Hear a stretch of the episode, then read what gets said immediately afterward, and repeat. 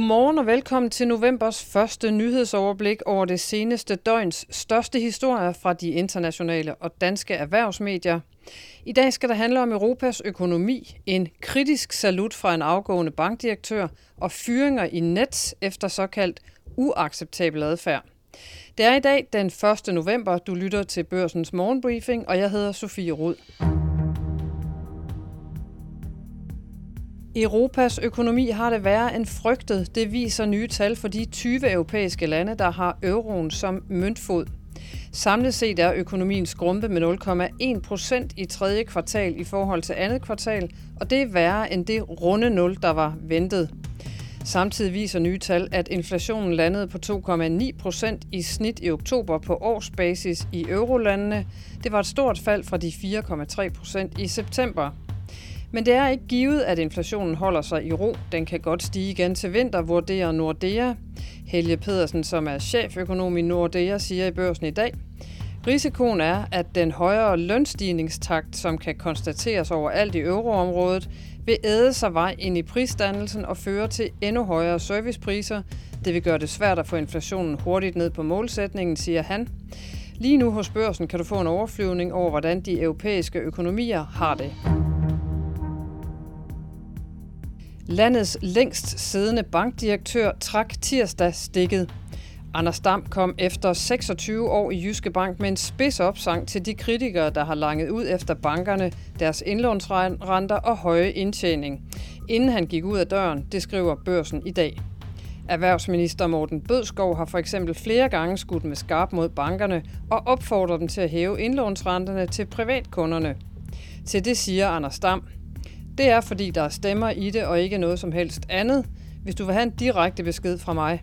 Sagen er den, at vi tilbyder højere renter end det, politikerne umiddelbart kan se, når de læser aviser, siger Dam. Du kan læse hele interviewet med Anders Dam hos Børsen i dag. Sexisme og racisme martrer betalingskæmpen Nets, der driver MitID, ejer Dankortet og clearer en stor del af danskernes betalinger, det skriver Finansforbundet ifølge Finans. To mellemledere i Net Danmark er ifølge mediet blevet fyret på grund af såkaldt uacceptabel adfærd. Til Finansforbundet fortæller fællestillidsmand i Net, Frank A. Olsen, at der i Net er en sexistisk kultur, som har slået rod, og at der også har været tale om racisme. Han siger, der er sexistisk adfærd, men det kan også være at blive ignoreret, blive aggressivt hængt ud i et møde, være udsat for racistiske udtalelser.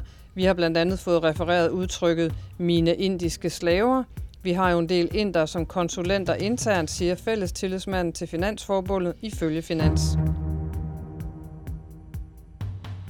Hvornår sænker den europæiske centralbank ECB sin rente?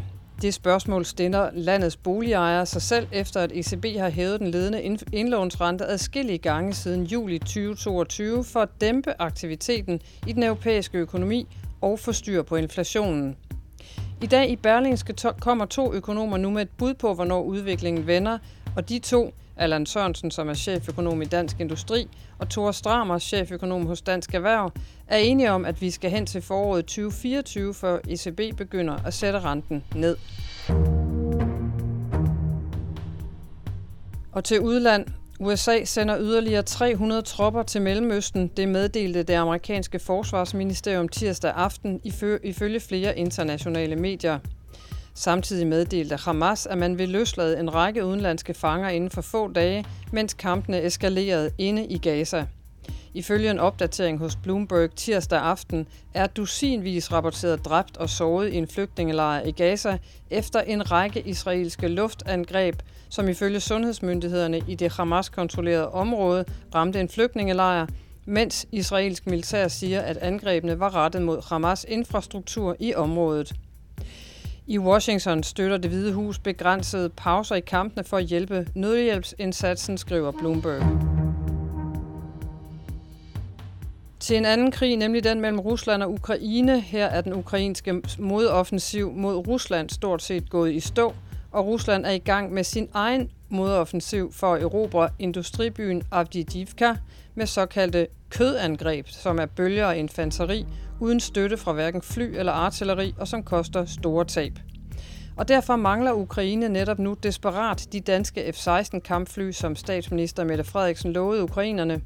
Uden luftstøtte fra moderne kampfly kan det blive rent selvmord at sende reserverne ind i en stor, stor offensiv. Men der er i bedste fald fem måneder til, at det ukrainske luftvåben kan få de fly, skriver børsen i dag i en analyse. På det amerikanske aktiemarked knep det lidt for enkelte store teknologinavne, men alligevel lukkede børserne pænt tirsdag aften dansk tid. Investorerne tøvede en anelse inden en ny rentemelding fra den amerikanske centralbank Federal Reserve, som kommer i dag onsdag. S&P 500 lukkede med et plus på 0,7 procent, mens Nasdaq gik hjem med et plus på en halv procent i tasken. Har hjemme sluttet tirsdagen med en stigning på 1,1 procent i C25, et plus for fjerde handelsdag i træk, men det ændrer dog ikke på, at oktober måned var en skidt måned for danske aktier med et kursstyk den seneste måned på samlet 4,7 procent. Ørsted steg 1,8 procent i tirsdagens handel, samtidig med en række frustrerede investorer melder ud om manglende tillid til Ørsteds ledelse efter en periode med dybe fald i aktien. Den historie kan du læse hos børsen lige nu, hvor du også i løbet af dagen hos børsen Investor kan læse om øh, Ørsteds kvartalsregnskab, som kommer ud onsdag, og det er altså i dag.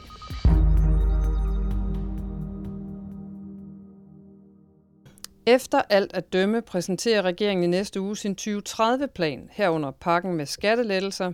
Men allerede nu har børsen kunne fortælle, at der ikke bliver lagt voldsomt mange penge oven i den oprindelige pakke med ca. 5 milliarder kroner i lettelser i personskatten, som blev aftalt i regeringsgrundlaget. Jeg har bedt børsens politiske kommentator Helle Ip forklare, hvilke politiske slagsmål i regeringen, der ligger bag pakken.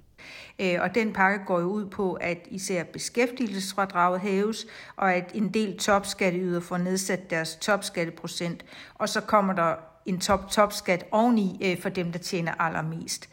Øh, som det tegner nu, så tager man faktisk mindre end 2 milliarder kroner ekstra ud af det opjusterede råderum, øh, som ellers ser meget svulmende ud frem mod 2030.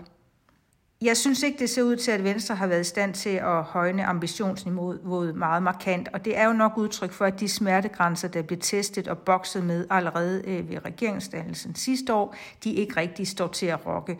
Der er grænser for, øh, hvor meget Socialdemokraterne kan gå med til, især på topskatten. Skattelettelser for næsten 7 milliarder kroner netto, Øh, altså efter øh, tilbageløb og adfærd. Det er ikke en helt øh, lille pakke, men mål på, øh, hvor meget arbejdsudbud øh, pakken giver, øh, nemlig lidt over 5.000 personer i 2030, så hører den til i den lavere ende af de skattereformer, der er gennemført i, i de seneste mange, mange år. Jeg tror ikke rigtigt, at den kommer til at ændre noget. Øh, regeringen skal nok få flere partier med i en aftale, men der vil fortsat være vrede over top-top-skatten, og venstrefløjen vil fortsat angribe øh, SVM for at bruge milliarder af rådrum, der ellers kunne have været brugt på velfærd i stedet. Grundlæggende så tror jeg ikke, skattelettelserne er store nok eller indfases hurtigt nok til at bringe øh, stor glæde i vælgerkorpset. Øh, men det værste, som jeg ser det for SVM, det er nok mere det her med, at hvis man havde en forventning om, at når netop de her tre partier gik sammen i regering og havde et flertal, så kunne der tages øh, historisk store ryg for at forbedre strukturerne i samfundet. Og det kan man ikke rigtig sige, at den her skattereform for alvor gør. Og således fik vi skudt november måned i gang. Tak fordi du lyttede med i dag. Vi er tilbage igen i morgen med et nyt nyhedsoverblik til dig. Ha' en rigtig dejlig onsdag.